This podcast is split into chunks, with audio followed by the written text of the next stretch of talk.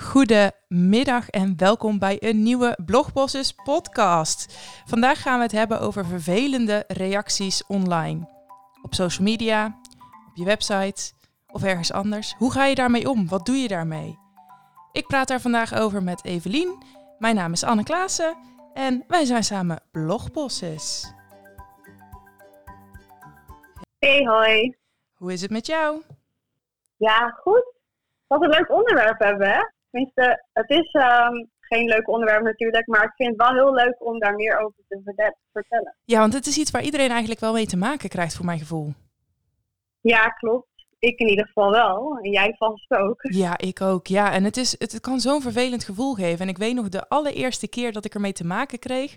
En een van mijn artikelen ontplofte op social media. En niet om goede redenen. En dat was, ja, dat was heel lastig. Hm, en wat voor artikel was dat dan? Uh, nou. Dat was een hele goede. Ik weet dat het in ieder geval trouw gerelateerd was, want ik, ik, schrijf vooral over trouwen. Dus ik weet dat het daarmee te maken had. Maar ik weet niet mhm. meer precies wat erin stond. Maar ik weet wel, het zal wel iets met uh, fotografen te maken hebben gehad. Ik denk dat ik misschien een artikel heb geschreven met tips over trouwfotografie. Of waar je op moet letten als je een trouwfotograaf gaat selecteren. En ik geloof dat de trouwfotografen het niet met alle tips eens waren. En dat ze ook nog een hele hoop aanvullingen hadden. Dat is op zich allemaal niet erg, want ik ben er juist helemaal fan van als mensen zeggen: Oh, maar je hebt hier nog niet aan gedacht. Misschien kun je dat er nog bij zetten. Mens kan altijd leren. Maar dit werd wel op zo'n manier gezegd dat ik echt dacht van oeh, oké, ga ik het bericht verwijderen? Ga ik de reacties verwijderen? Ik voel me hier niet, niet happy bij. Nee, dat kan ik helemaal begrijpen. Ik, uh, ik herken dat gevoel ook heel erg voelt ook een beetje machteloos, hè? Ja, het voelt heel erg machteloos. Ja, jij hebt het pas geleden ook meegemaakt, hè? Met ja, TikTok? op TikTok. ja. Vertel. Ja, nee, dat klopt. Ik heb, uh, ik heb een, uh, een, maand geleden heb ik een TikTok-account gestart. En uh, ik dacht, oké, leuk, weet je wel, ik ga het uitproberen om te kijken hoe het werkt. En nou ja, daar kan ik ook tips over, over hm, daar kan ik ook tips over geven voor andere ondernemers. Mhm. En uh, dus ik had hele simpele video's gemaakt.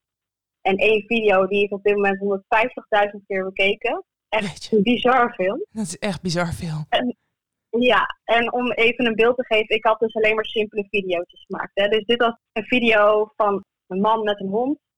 En daar had ik een soort van tekentje, ja, tekening bij gemaakt. En ik had dan laten zien hoe je zo'n tekening maakt. En het was echt super simpel.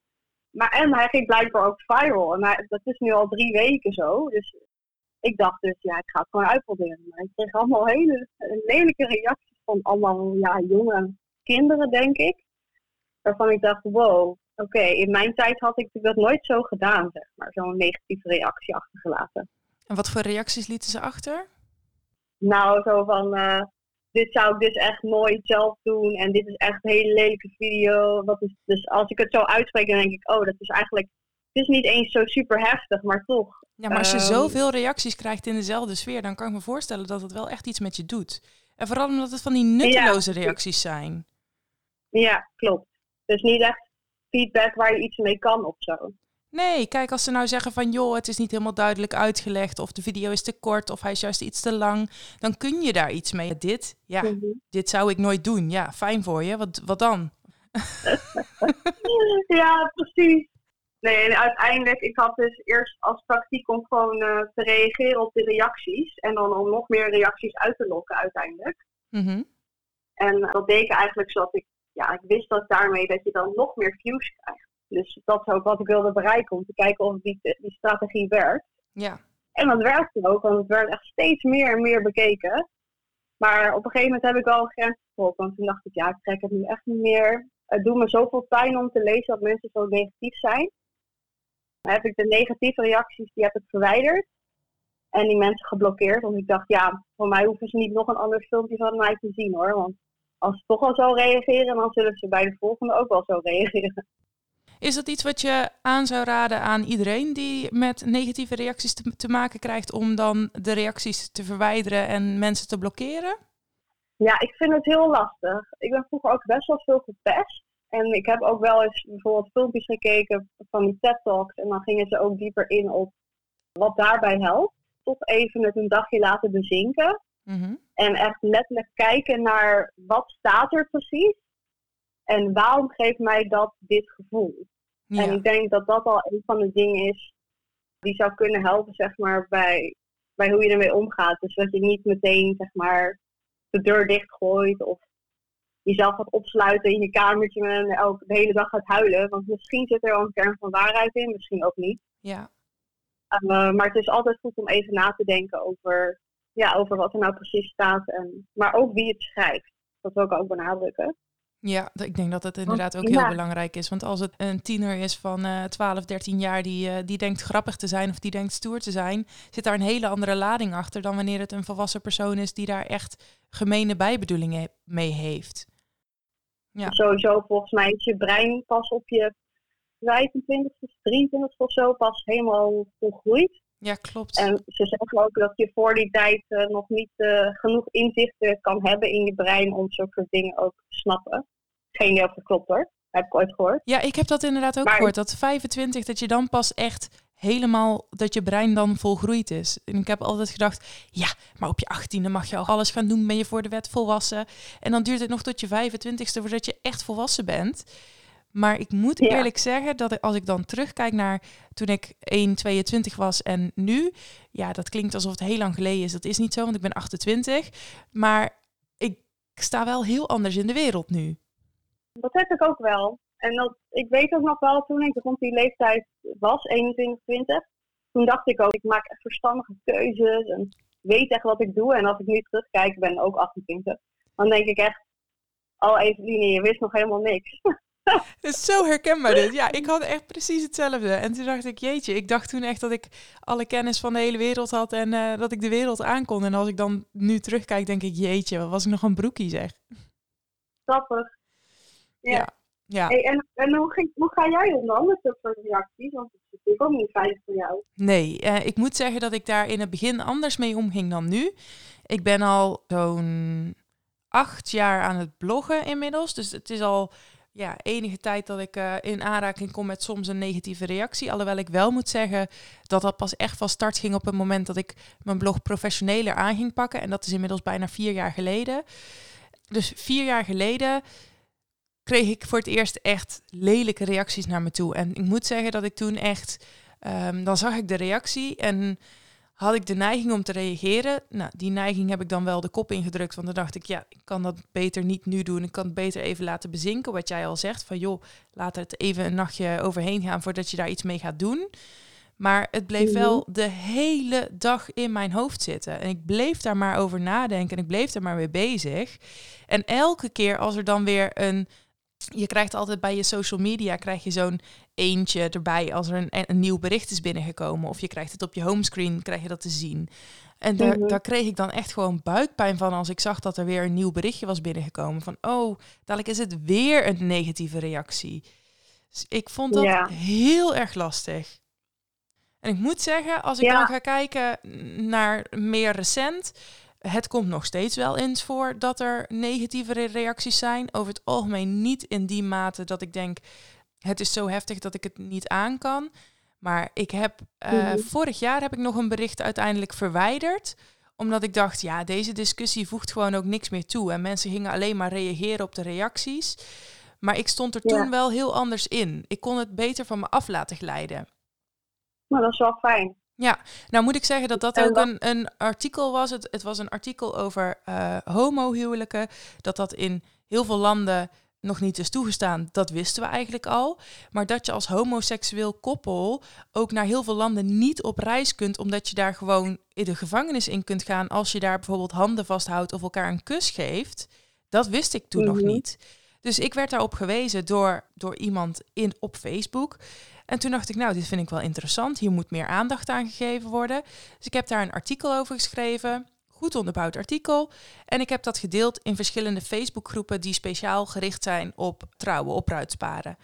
En een van die Mhm. Facebookgroepen, die bestaat voornamelijk uit Marokkaanse bruidsparen. En dan eigenlijk vooral Marokkaanse bruiden. En Ja. nou ja, goed, eh, binnen de islam is, is homoseksualiteit niet geaccepteerd. En ik wist wel dat er in die groep veel Marokkaanse bruidjes zaten.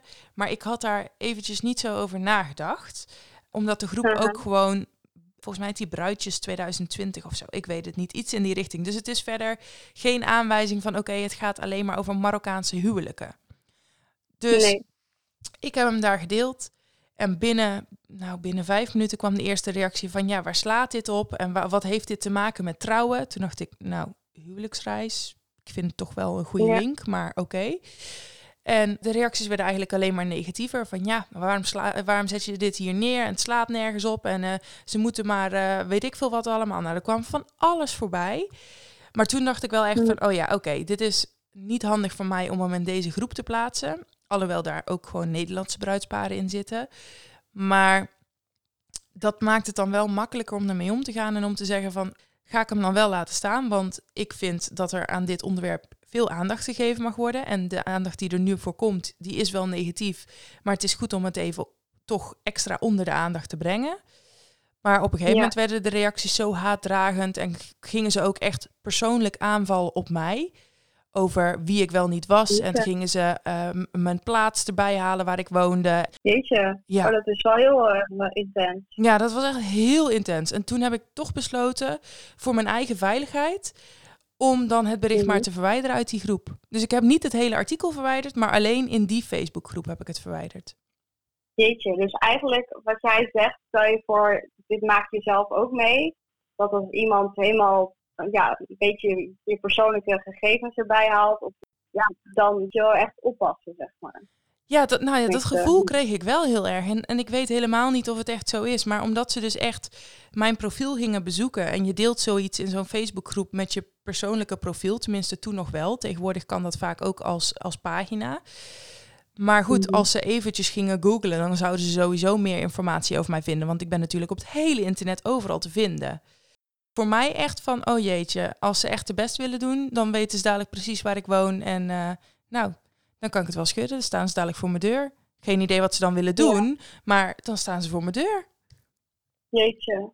Nou, ik vind dat ook alweer een mooi bewijs dat jouw artikel, zeg maar, Wel ja, nodig dat is. Nederland niet, ja, dat er eigenlijk nog heel veel, er moet nog heel veel aan de weg getimmerd worden om, Ja. ja. om dat Absoluut. normaal te maken. Ja, wij vinden onszelf allemaal heel tolerant in Nederland. Maar nu blijkt maar weer dat dat dus echt niet altijd zo is. Nee, jammer. Ja, heel jammer. Ja. Heel jammer, inderdaad. Ja. Maar ja, goed. Hm. Het geeft dus wel aan hoe heftig sommige reacties kunnen zijn. En ik, ik denk dat wat ik persoonlijk allemaal heb meegemaakt, dat het dan zelfs nog wel meevalt. Ik denk dat er genoeg andere mensen zijn die nog veel heftigere verhalen hebben meegemaakt.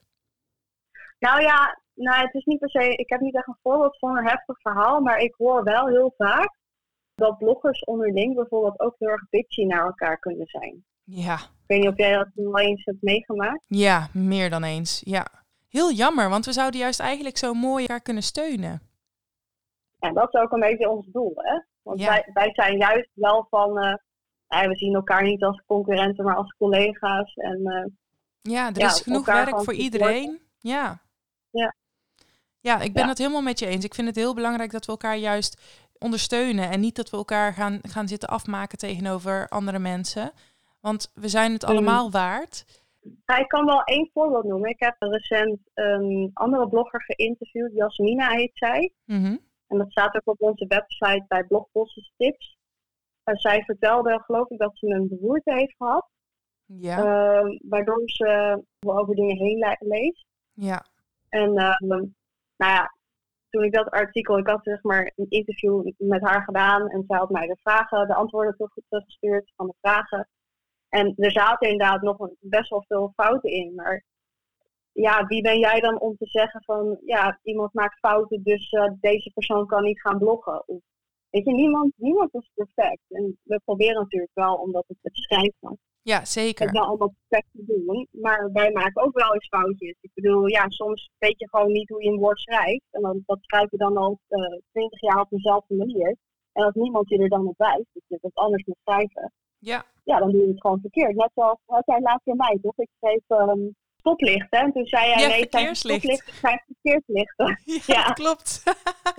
is hij blijven hangen omdat ik dat tijdens mijn rijlessen heb gehoord. En is op een of andere manier Mhm. blijven hangen. Daarvoor noemde ik het ook altijd stoplichten. Ja, het zijn van die dingen. Ja, ja ik, ik weet gewoon niet anders. Ik ben daarmee opgegroeid dat iedereen in mijn omgeving stoplicht zei. Nou, dan denk ik ook, oh, het is een stoplicht. En dan ga je, ik, wat ik meestal doe als ik niet zeker weet van een woord, dan ga ik het googelen. Ja. Maar ja, bij zo'n woord denk ik, nee, dat valt toch wel dat het gewoon klopt. Ja, en het stomme is eigenlijk, want het klopt wel. Als het verkeerslicht op rood staat, is het een stoplicht. Maar staat het op Mhm. groen, dan is, het, dan is het geen stoplicht, want je hoeft niet te stoppen. Nee, precies. Kan je gewoon doorrijden. Dus dan is het een doorrijdlicht Ja. zo. Eigenlijk wel. maar ja, dat zijn echt wel inderdaad van die dingen. En dan denk ik, ja, je kunt gewoon niet voor iemand zeggen... Tuurlijk, jij kan zien dat er veel spelfouten staan. En je kunt dan uit, uit enthousiasme, ik wil die persoon graag ondersteunen, sturen van... joh, heb je gezien dat er veel spelfouten staan? Maar als die persoon dat weet en daar verder niks aan kan doen... en dat dus ook heeft aangegeven... ja, dan hoef je daar niet elke keer op terug te komen. Precies, dat vind ik ook. Ja, en anders dan, dan Ja. want het is natuurlijk zo dat stel dat je zou zeggen van oké, dan ga je iemand inhuren om al die spelfouten op te sporen. Vaak zijn het hobbybloggers die niet zo'n inkomen uithalen dat ze ervan kunnen leven. Ja, dan kun je ook niet verwachten Mhm. dat iemand geld heeft om elk artikel te laten checken. Daar heb je helemaal gelijk in. Ja, blijft lastig. Ja, We hebben zo vaak gewoon- commentaar op elkaar. je bedoelt bij onderling op elkaar. Nee, nee, gewoon bloggers algemeen. Die hebben gewoon zoveel Oh, zo, commentaar op ja. elkaar. Nee, ja, wij onderling hebben wij ook wel commentaar op elkaar hoor. Ja, tuurlijk. Moet je kunnen, hè? Dat vind Ja, ik wel. Ja, zeker. Ja, dat, hoort alleen maar beter van. Ja, het hoort er ook bij, want wij hebben dan geen commentaar in de negatieve zin. Het is niet dat we eh, elkaar helemaal de grond intrappen. Nee, het is juist dat we zeggen van, oh, volgens mij heb je dit verkeerd geschreven, of bedoelde je dit misschien zo? Of, nou ja, dan, dan help je elkaar. En we geven het ook bij elkaar aan, zodat je het de volgende keer ook eh, wel op de juiste manier kunt doen. Ja. Dus wat zou jou, komt iets tegen op het internet en je bent er echt zelf helemaal niet mee eens, of iemand heeft echt een grote fout gemaakt, wat zou, wat zou jij dan doen, zeg maar? Zou jij dan ook een- zo'n eh, negatieve reactie iemand achterlaten, of hoe zou jij dat dan aanpakken? Als er feitelijk onjuiste informatie staat op een website, dan laat ik een reactie achter met, joh, wat je hier neerzet, dat, dat klopt niet. Kijk even naar je onderbouwing, want eh, feitelijk gezien is het niet juist. Eh, maar niet Mhm. op een manier om iemand anders de grond in te trappen, maar meer van, joh, soms dan kom je een artikel tegen en dan denk je, ja, maar mensen die het niet weten en die dit lezen, die gaan dadelijk misschien iets heel verkeerd doen. Ja. Ik zit even te denken of ik daar een, een voorbeeld van heb, maar ik ben er wel eens tegengekomen. Eh, dat was een artikel op Yours. Ken je dat? Yours? Ja, ja, dat ken ik, ja. Het is een je platform waar je eh, eh, artikelen kunt schrijven en je doet dat dan op jouw eigen stukje van Yours. Dus je hebt geen eigen URL, maar je valt onder Yours. En daarmee kun je eh, geld verdienen. Dus hoe meer mensen het lezen, voor elke persoon die het leest, krijg je. Nou, ik durf de bedragen niet te noemen, maar zeg, zeg even dat je 1 cent krijgt voor mensen die het lezen. En dat je dan 2 cent krijgt als mensen ook een reactie achterlaten. Dus Mhm. dat betekent dat de artikelen op dat soort websites vaak in- ingesteld zijn van eh, ingestoken zijn om sensatie te maken. Tenminste, Ja. dat is mijn ervaring hoor. En ik weet zeker als we hier iemand zouden interviewen die dus op Yours blogt, die daar iets heel anders over zou zeggen. Maar mijn ervaring is echt dat al die artikelen, ze willen alleen maar dat je doorklikt. Ik heb dat Mhm. in het verleden dus wel eens gedaan. Dat ik echt dacht van, nou, ik ben wel benieuwd. Ik wil eigenlijk wel weten waar dit over gaat. En dat is me dus gewoon echt serieus. Ik denk dat ik, dat ik vijf van die artikelen heb gelezen... en dat dan drie van de vijf artikelen onjuiste informatie bevatten. En dan is het niet eens alleen een mening... maar dan is gewoon echt onjuiste informatie. En dat is echt niet oké. Nee, dat is gewoon echt niet oké. En dan ben ik wel echt in staat om te vertellen op een gewoon een nette manier van joh, wat je hier vertelt klopt niet. Eh, als ik dan de informatie die ik heb kan onderbouwen, dan zet ik daar ook een linkje bij. Dus op die manier laat ik wel een reactie achter. Maar als ik het ergens niet mee eens ben, waarvan ik eigenlijk al weet van ja, dit is mijn mening, maar ik, ik doe er niet zoveel mee om dat hier te verkondigen. Dan denk ik, nou, Mhm. Oké, ik ben het er niet mee eens. Ik weet dat ik deze website misschien minder vaak zal lezen. Maar dan vind ik het niet nodig om iemand dan de grond in te trappen.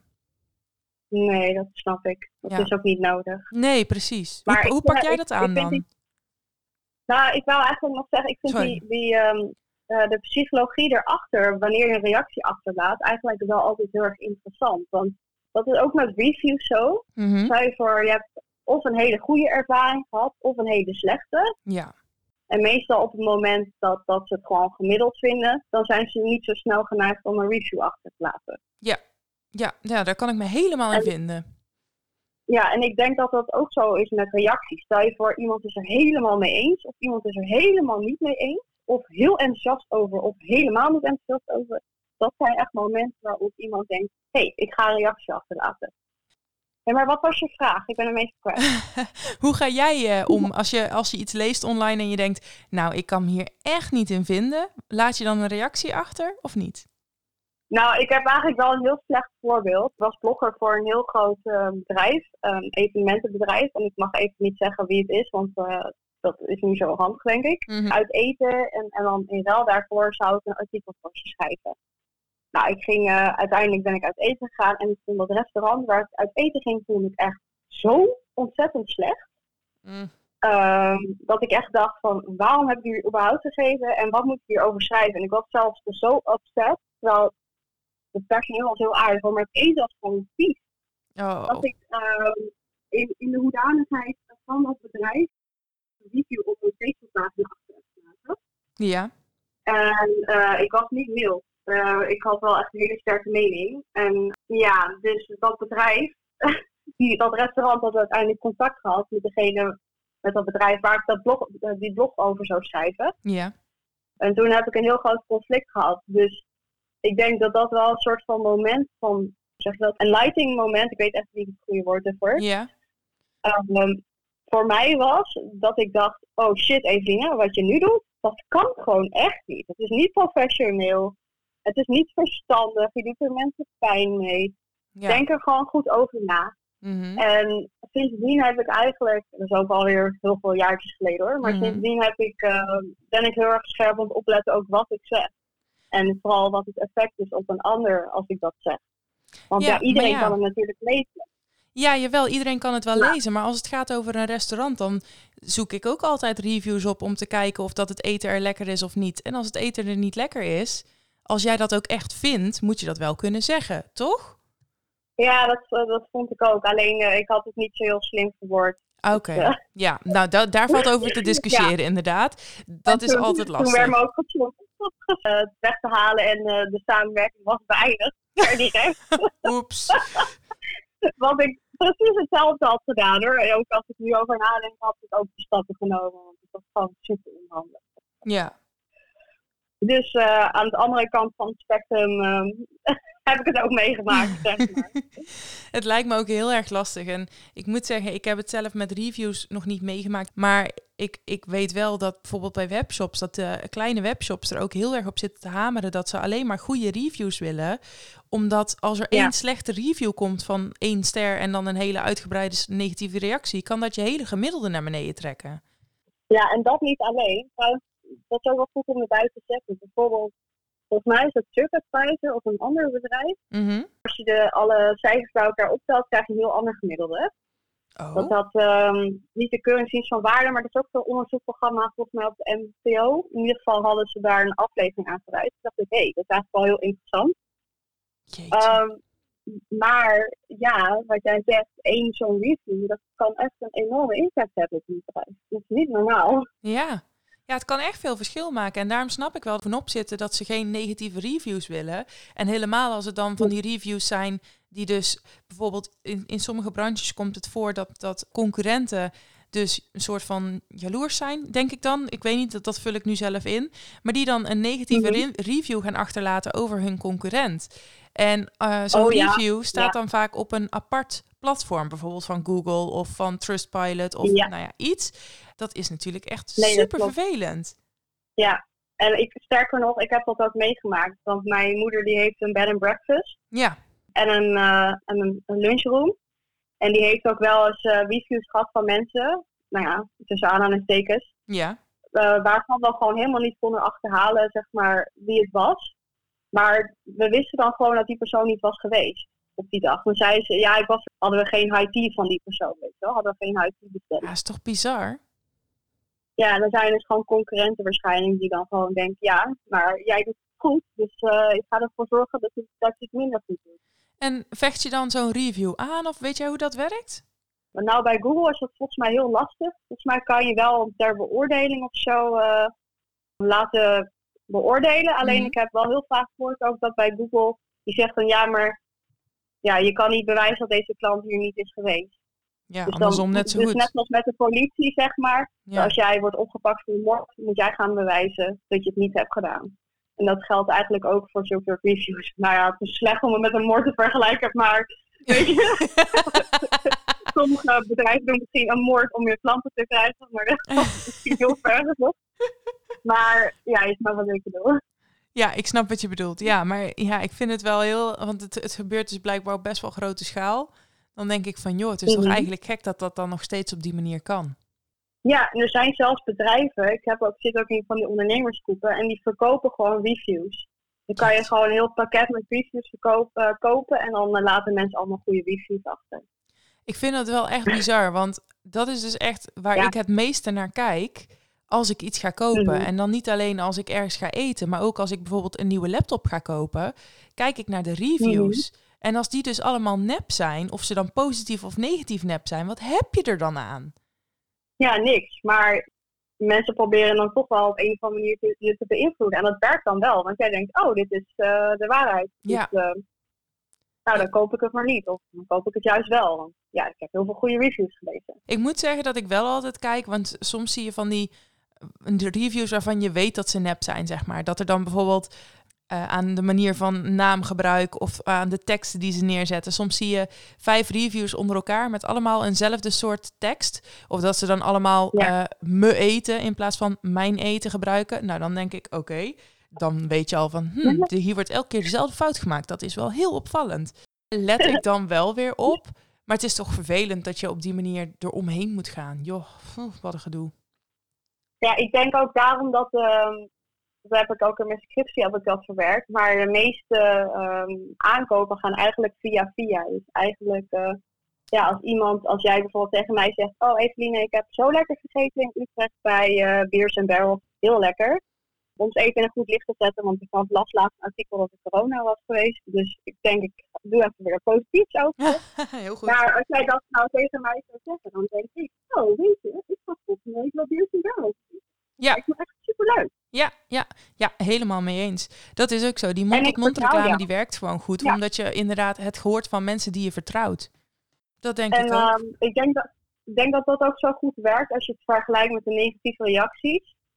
Ik kijk dan altijd naar wie het schrijft. Dus is het iemand die dichtbij me staat en waarvan ik hou en weet dat ze het goed bedoelen, dan ben ik meer geneigd om, hoe zeg je dat, om me goed te voelen Mhm, bij wat iemand zegt. mhm. Dan als iemand het zegt waar die helemaal geen expert is in wat hij doet. Die ik helemaal niet ken. Dus ik probeer dat ook soms zo een beetje te beredeneren dat ik, eh, ja, Een beetje te op die relativeren. manier. te- Ja, precies. Ja, mee eens. Ik denk dat dat wel een goede manier is om ermee om te gaan. Om het eventjes, even iets meer afstand te nemen. Om even te relativeren, om te kijken wie heeft die reactie achter. Dan ook nog wel eens fijn is om te weten of dat er dezelfde soort reactie heel veel achter elkaar binnenkomt. Of dat er één rotte appel tussen zit die dus een hele negatieve reactie heeft achtergelaten. Terwijl de andere reacties eigenlijk overwegend positief zijn. Dat maakt ook nog verschil. Ja. ja, dat vind ik wel een mooie samenvatting van eh, alles wat we hebben besproken. Ja, dat denk ik ook wel. En ik denk eigenlijk dat we hiermee ook wel een mooi einde hebben voor onze podcast. Het is weer tijd voor, eh, voor een volgende podcast. En daarvoor willen we graag aan jou vragen of jij nog een onderwerp hebt waarvan je het graag besproken wil hebben. Het onderwerp wat we vandaag hebben besproken ehm, is ook door een lezer van ons ingestuurd. Dus ehm, heb jij iets waar je graag wil dat wij daar lekker een half uur over gaan discussiëren? Laat het ons dan vooral weten. Doe dat via Instagram. Stuur ons een DM of stuur ons een mailtje. En dan eh, zie je ons volgende keer weer. Dan hoor je ons volgende keer weer, moet ik zeggen. Ja, hey, maar misschien is het ook wel leuk om nog even te zeggen wa- waar de andere podcasts over gaan. Want we hebben natuurlijk, dit is niet de eerste. Nee, we hebben nog meer podcasts. Ja, dat klopt. We Ik hebben onder andere een podcast over Pinterest.